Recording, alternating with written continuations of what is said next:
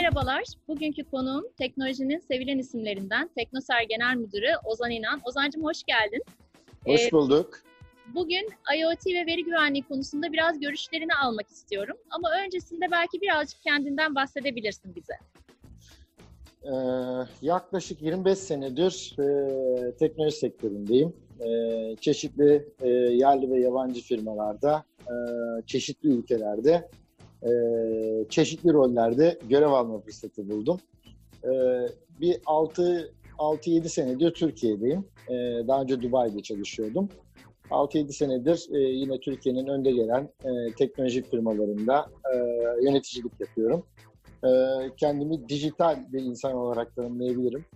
Evliyim. E, e, şu anda e, İstanbul'da yaşıyorum. E, herhalde bu kadarı yeterli diye tahmin ediyorum. Aynen, aynen Ozan'cığım gayet yeterli. E, günümüzde artık biliyorsun, sen de çok iyi biliyorsun, e, her şey artık birbirine bağlı makineler, derin öğrenme, yapay zeka ve nesnelerin interneti üzerine kurulu. Gartner'ın da araştırmasına göre 2020 yılında internete bağlı cihaz sayısını 26, e, 26 milyar olacağı tahmin ediliyor. Tüm bunları değerlendirdiğimizde veri güvenliği açısından dünyanın birbirine bağlı olması e, ne gibi tedbirler almamızı sağlayacak? Bu konudaki görüşlerini alabilir miyim? Tabii şimdi aslında bunun e, en önemli katmanlarından bir tanesi bulut teknolojileri e, maliyeti düşürüyor. E, ölçeklenme e, konusunda esneklik sağlıyor. Dolayısıyla da e, düne kadar e, birçok teknolojiyi satın almak zorken bugün bunu kullandığın kadar öde modeliyle kiralayabiliyorsun. Dolayısıyla birçok firma eskiden e, teknoloji firması e, olmayan firmalar teknolojiden uzak dururken bugün birçok firma kendini dijitalleştiriyor. Hele ki son dönemde yaşadıklarımıza bakarsak işte böyle salgın hastalık, doğal afet vesaire gibi konular bu teknolojinin hızlıca yayılmasına sebep oluyor. Dolayısıyla biz artık online insanlarız. Yani online bir ekosistem var. Bunu düne kadar sadece iş insanları yaparken bugün e, ailemizdeki herkes e, bu işin içerisinde, çocuklarımız bu işin içerisinde. Dolayısıyla ve hesabı e, tutamayacağımız miktarda internete bağlı cihaz e, sayısında e, artış var. Daha bu işin birinci katmanı. Yani henüz e, işin içine e, çok ciddi miktarda IoT dediğimiz e, bizim aslında e, insan harici internette var olan cihazlar diye tanımlayabileceğimiz cihazlar henüz resmin içerisinde çok fazla hayatımızda yer almıyorlar. Yavaş yavaş biz bunlara connected, bağlı diyoruz. Bağlı çevresel e, teknolojiler oluşmaya başlıyor e, bu teknolojiler arttıkça da e, tabii ne oluyor? Çok ciddi bir trafik ortaya çıkmaya başlıyor. E, sizin de çok yakından takip ettiğinize inanıyorum. Dünyada son e, bir senedir çok ciddi tartışmalar da yer alıyor. Özellikle 5G teknolojisiyle ilgili. Çünkü bizim bu 5G, 4G falan gibi konuştuğumuz teknolojiler veya Wi-Fi e, gibi teknolojiler e, internette DSL, bir, önceki versiyon DSL, e, şu anda ellerimizdeki fiber teknolojiler diğer otoban gibi. Bu otobanların üzerinde bizim yaptığımız her dijital işlem bir trafik yaratıyor. Şimdi IoT dediğimizde yani internete bağlı cihazlar dediğimizde bu trafik eksponansiyel miktarda artıyor. Neden? Sürekli online olan cihazlardan bahsediyoruz. Biz insan olarak belli bir saat çalışıyoruz, sonra bir miktar dinlenmeye ihtiyacımız oluyor. Biz o sürelerde internete bağlanmıyoruz artık. Kendimiz offline'a geçiyoruz. Fakat bu bahsettiğimiz cihazlar sürekli online, sürekli bir veri trafiği oluyor. Ve dolayısıyla da hesap edilemeyecek hesap edilemeyecek miktardaki e, trafikler oluşmaya başlıyor. E, bu trafiği bugün kurumsal dünyada biz ne yapıyoruz? Şirketimize ciddi yatırımlar yapıyoruz. Bu ciddi yatırımlarla işte o verileri e, monitör ediyoruz, takip ediyoruz, gerekli önlemleri alabiliyoruz. Bu trafiğin bir kısmı iyi niyetliyken bir kısmı da kötü niyetli. Sonuçta iyi ve kötüyü insan kendisi tayin ediyor. Bu işin ekonomisi var. Ee, örneğin e, siber dünyada virüs yaratmak da bir ekonomi. Bunun antivirüs de bir ekonomi. Kendi hayatımızda bugün bakarsak ortaya bir virüs çıktı. Bunun aşısı da bir ekonomi değil mi? Yani bütün dünya 80 tane ülke bunun peşine düştü her ne kadar can e, derdine düşmüş de olsak bunun bir de ticari boyutu var. Dolayısıyla çok ciddi argeler yapılıyor. Bizim teknolojideki virüs, antivirüs de aynı böyle. Antivirüs bir aşı demek. Virüs çıktıkça bunun antivirüsüne de ihtiyacımız var. Dolayısıyla biz bu antivirüsleri de çok hızlı tespit edip onlara yönelik bir faaliyet göstermemiz gerekiyor. Fakat siz de tahmin ediyorsunuz. Örneğin Covid-19 çıkalı bayağı bir zaman oldu. Neredeyse 6 ayı geçti. Fakat henüz bir aşısı yok. Bunun dijital versiyonunu düşünelim. X tipi bir e, fidye yazılımı ortaya çıkmış. Henüz tespit eden olmadığı için bunun bir antivirüsü de yani engelleyicisi de yok. Şimdi biz bunu insan olarak düşünürken çok basit düşünebiliyoruz. Bunu bir de işin içine yapay zekanın, öğrenen makinelerin girdiğini düşünelim. Öğrenen makine dediğimiz zaman bulut teknolojilerini kullanarak yani çok süper powerları olan, çok yüksek kapasitedeki bilgisayarların internete kendi başına dahil olduğunu düşünelim. Yani bu makineler, e, süper kompütürler kanserin çaresini ararken, DNA'nın formülünü çözerken aynı zamanda bir ilaç ya da bir virüs de geliştirebilirler. İşte burada insanın varlığı çok önemli. Bu işin komutanı kim olacak? Bu işin karar vericisi, regülasyonunu kim tayin edecek çok önemli. İşte biz bu IoT dünyasında demin söylediğim gibi Gartner'ın, IDC'nin vesairenin açıkladığı rakamlar eksponansiyel miktarda artacak olan rakamlarda henüz ortada bir regülatif bir durum söz konusu değil. Hatta bunların kullanacağı 5G teknolojisinin de hala üzerinde tartışmalar var. Dolayısıyla bunlar tam oturmadan geleceğin nasıl bir gelecek olacağını tahmin etmekte güçlük çekiyoruz. Çok yoğun trafikli bir otoban olacağı kesin. Bu otobanın adı 5G olacak muhtemelen. Üzerinde de çok veri akacak. Fakat bu trafiğin ne tarafa doğru gideceğini e, çok tahmin etmek şu anda mümkün değil. Zaman bize bunu gösteriyor olacak. Aynen öyle Ozan'cığım. Çok da güzel ifade ettin bence. Peki yaşadığımız bu pandemi de e, gözlemlediğimiz iki tip grup var. Birisi e, bu sürece çok olumlu bakan pozitif bir grup. Diğeri ise daha olumsuz senaryolar yazan bir grup. E, sen her zaman çok yüksek enerjili ve pozitif bir insansın. Hani böyle de biliniyorsun. Yine bu dönemde e, daha ya bu dönemin aslında daha iyi bir e, geçiş olacağını da savunuyorsun. Bu stresi nasıl yönetiyorsun? E, bu yüksek motivasyonla e, nasıl değerlendirirsin? Çok teşekkürler. Aslında e, şu anda yaşadığımız dönemi bir sınav gibi ele almak lazım. Aslında birden fazla sınav. İki sınav yaşıyoruz. Bir, bu bir dijital transformasyon başlığından çıktı. Dijital bir ekosisteme dönüştü. Şu anda kimse dijital transformasyon konuşmuyor. Herkes mecburen transforme oldu. Hatta evdekiler, çocuklarımız, e, annelerimiz, babalarımız dahil. Bu sınavın birincisiydi. İkincisi ise bizim iyi kötü diye e, yorumladığımız aslında bir veri. Şimdi veri dünyasına bakarsak e, biz veriyi mutlak değerler içerisinde inceleriz. Yani mutlak bir parantezin içerisindeki bir sayı her zaman aynı sayıdır. Eksi yüzle artı yüz bizim insanların görece olarak baktığımızda önüne koyduğumuz, yönünü tayin ettiğimiz şeyler. Bir bilgisayar için eksi yüz ve artı yüz diye bir şey yoktur.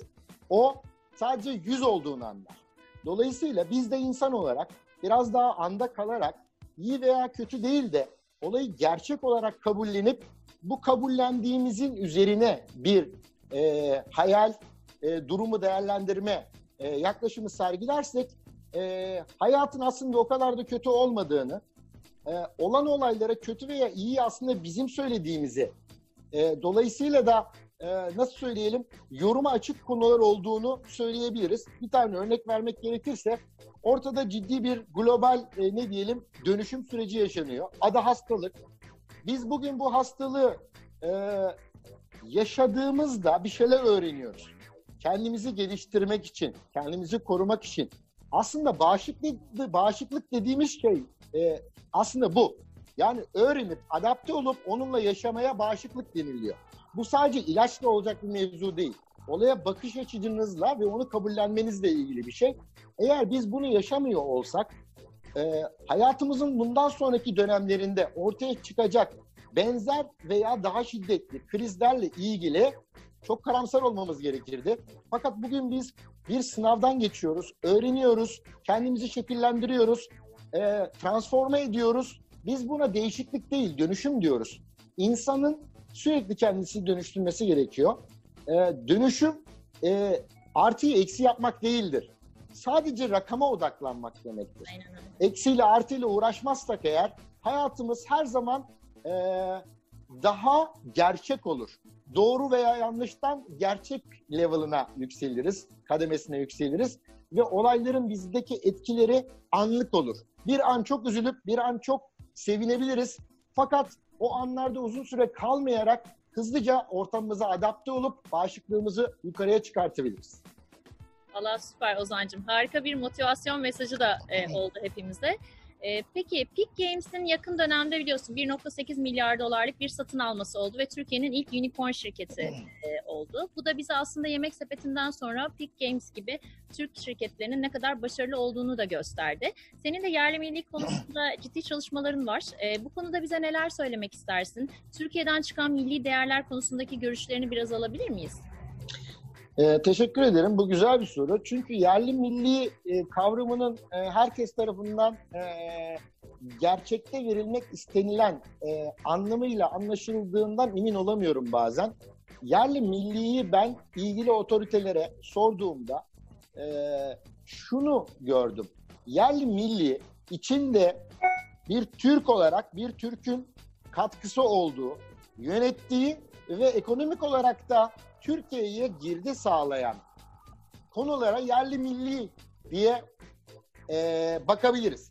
Bugün e, yerli milli konusunun e, her şey Türkiye'de yapılacak diye odaklarsak e, inanın bir yere varamayız. Çünkü dünyada öyle şeyler var ki sadece birkaç tane ülkenin üstesinde geçiyor. E, işte mesela bir çip e, yapmak e, kolay değil. Ya Amerika'ya ya Çin'e gidiyorsunuz. Bir, bir miktar belki e, Güney Kore olabilir. E, bu hangi marka ürün olursa olsun içinde bu çipler kullanılıyor. Ben yüzde yüz yerliyim, yüzde yüz milliyim demek bence çok doğru bir ifade değil.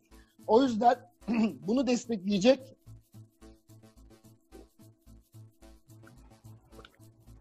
bunu destekleyecek yaklaşımlarda bulunmamız gerekiyor. Burada elimizdeki en önemli kıymet nedir? beyin ülkesi olmaz, mekanı olmaz. Bir beyin nereye katma değer sağlamak istiyorsa oraya katma değer sağlar. Peak Games'te olduğu gibi e, bu firmanın lokasyonu değildir önemli olan. Bunu yönetenler, buna katma değer sağlayanlar e, ve ekonomiye, hangi ekonomiye katma değer sağladığına iyi bakarsak Peak Games gibi birçok firmanın daha çıkabileceğine e, inanıyorum. E, ülkemizde şöyle bir yanlış anlaşılma var. E, Peak Games'in e, yatırımcısına, sahibine sormak lazım. Ne kadar devlet desteği almışlar? E, ben kendi bilgimle söyleyeyim. Hiçbir destek almadılar. Bizim Türkiye'de birçok yazılımcımız var. E, birçok startup'ımız var. Herkesin şikayeti devlet bize destek olsaydı şöyle yapardık, devlet böyle yapardı, böyle yapardık. Amerika'da olsaydık şunu yapardık. Peak Games bunu yaptıysa matematikte bir kural vardır. At least one. En az bir kişi başarırsa herkes başarabilir. Biz mazerete değil, sonuca odaklanırsak, engellere değil, başarıya odaklanırsak Peak Games gibi olabiliriz. Biz o yüzden şirket olarak, holding olarak e, benzer durumda olan, kıymetli fikirleri olan e, firmaların hep yanında yer almaya çalışıyoruz. Onlara destek olmaya çalışıyoruz. E, e, bugüne kadar da e, belli miktarda destek olduğumuza gönül rahatlığıyla söyleyebilirim. E, bundan sonra da faaliyetlerimiz böyle devam edecek.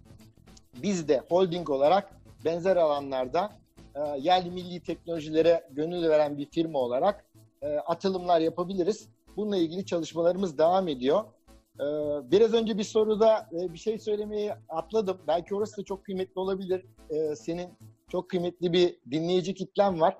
Ee, nasıl pozitif oluyorsun diye sorduğunda pozitif olmak için özel bir çabam yok ama bazı metotlarım var. Herkesin kendine geldiği anlar vardır. Bu kendine gelebildiğin an e, bazılarımız e, bir ormanlık alana gittiğinde kendine gelir. Bazılarımız çime bastığı zaman kendine gelir. Bazılarımız çocuğunu kucağına aldığında kendine gelir. Ama bir an kendine gelir. İkinci an işte çocuğun e, ağlamasına takılır. E, çime bastığın zaman kene var mı düşünmeye takılırsın. Bir an kendine gelirsin, devam edersin. İşin sırrı süreklilik arz eden kendine gelmeler. Bunun için ben nefes terapisi e, adında bir e, e, ne diyelim kendime metot uyguluyorum. E, çok şanslıyım. Eşim bu işle ilgileniyor. E, kendisinden öğrendiğim e, metotla e, sık sık kendime gelmeyi başardığıma inanıyorum. E, dünyada e, birçok e, icat yapan kişilere baktığımızda e, benzer metotlar uyguladıklarını görüyoruz. Ben o yüzden bütün dinleyenlere, seni kıymetli görüşlerini kendilerine feyz olarak alanlara şunu tavsiye edebilirim haddim olmayarak. Kendinize bir metot bulun. E, nefes terapisi de bunlardan bir tanesi çünkü biz nefesi bedava alıp veriyoruz. Meditasyon da çok güzel, yoga da çok güzel ama hepsi için ayrı vakitler gerekiyor. Ama nefes otomatik her an yaptığımız bir şey. Yüksek yüksek e, bir enerji sağlayabiliyor bize. Doğru nefes almayı öğrenirsek hayatımız daha da kolaylaşacaktır. Daha olumlu olacağız diye düşünüyorum. Umarım e, bir e, kaç kişiye bu e, katma değer sağlar ve kendilerini daha hisseder. Ben zaten linkte bırakırım aslında Nuran'ın. Nuran'la da en kısa zamanda görüşmek istiyorum bu arada. Çünkü yani çok arkadaşımdan duydum. Birçok kurumsal şirketten duydum. Gerçekten çok çok çok olumlu dönüşler alıyorum. Ben kendim için de uygulamak istiyorum bu arada. Çünkü nefesi bence hiç insan olarak iyi yönetemiyoruz. Çünkü hayatımızda birçok şeyi artık evlerden de çalıştığımız için her şeyi yönetmeye çalışıyoruz. Bu çok kıymetli. İşte bu noktada aslında kendimizi doğru yönetmek, nefesimizi doğru yönetmek bizim hayatımıza da bu anlamda çok pozitif oluyor bence. Dolayısıyla e, herkese de tavsiye ediyoruz diyelim buradan. Ben de en kısa zamanda denemek istiyorum. Hiç. Ee, çok Aynen. çok çok çok ilginç bir deneyim olacağından eminim. Kesinlikle. Ee, matematiksel olarak sadece bir şey söyleyeyim. İnsanın ciğerlerinin hacmini e, herkes internetten öğrenebilir. Derin bir nefes al dediğimde e, neredeyse 30 saniyeden fazla sürer nefes almak. Tamamını ver dediğimde yine 30 saniyeden fazla sürer. Fakat bizim şu sıklıkta nefes aldığımızı düşünürsen biz o ciğerin çok az bir kısmını kullanıyoruz. Geride kirli hava hep kalıyor. Her kirli havanın orada duruşunda e, vücudumuza, e, hücrelerimize kirli e, kan gidiyor ve tabii ki enerjimizi kaybediyoruz. Bu bir benzin gibi bizi e, bizi enerji e, enerjik yapan, vücudumuza enerji veren şeyi herkes yiyecek zannediyor. Yiyecek değil aslında. Hücrelerin iki tip e, metodu vardır. Bir, şeker, oksijensiz solunum yapar. İkincisi de ciğerlerimizle yaptığımız solunumdur. Aslında bizi besleyen oksijendir. Eğer biz oksijeni azalırsak daha çok şeker, karbonhidrat ihtiyacı hissederiz. Bu da e, ikinci bir not olsun. Zayıflamak isteyen insanlar için çok önemli bir e, fırsat olabilir. E, bence hayatın çok önemli bir noktası nefes alıp veriyoruz ve bunun kıymetini bilmeliyiz. Kesinlikle Ozan'cığım gerçekten tüm hem pozitif enerjinle hani katıldığın için hem de e, çok güzel bilgilerini bizimle paylaştığın için, ufuk açıcı bilgilerini bizimle paylaştığın için teşekkür ederiz. En kısa zamanda yüz yüze de görüşmek üzere. Çok Evet, mutlu olurum. Çok teşekkürler. İyi ki varsınız.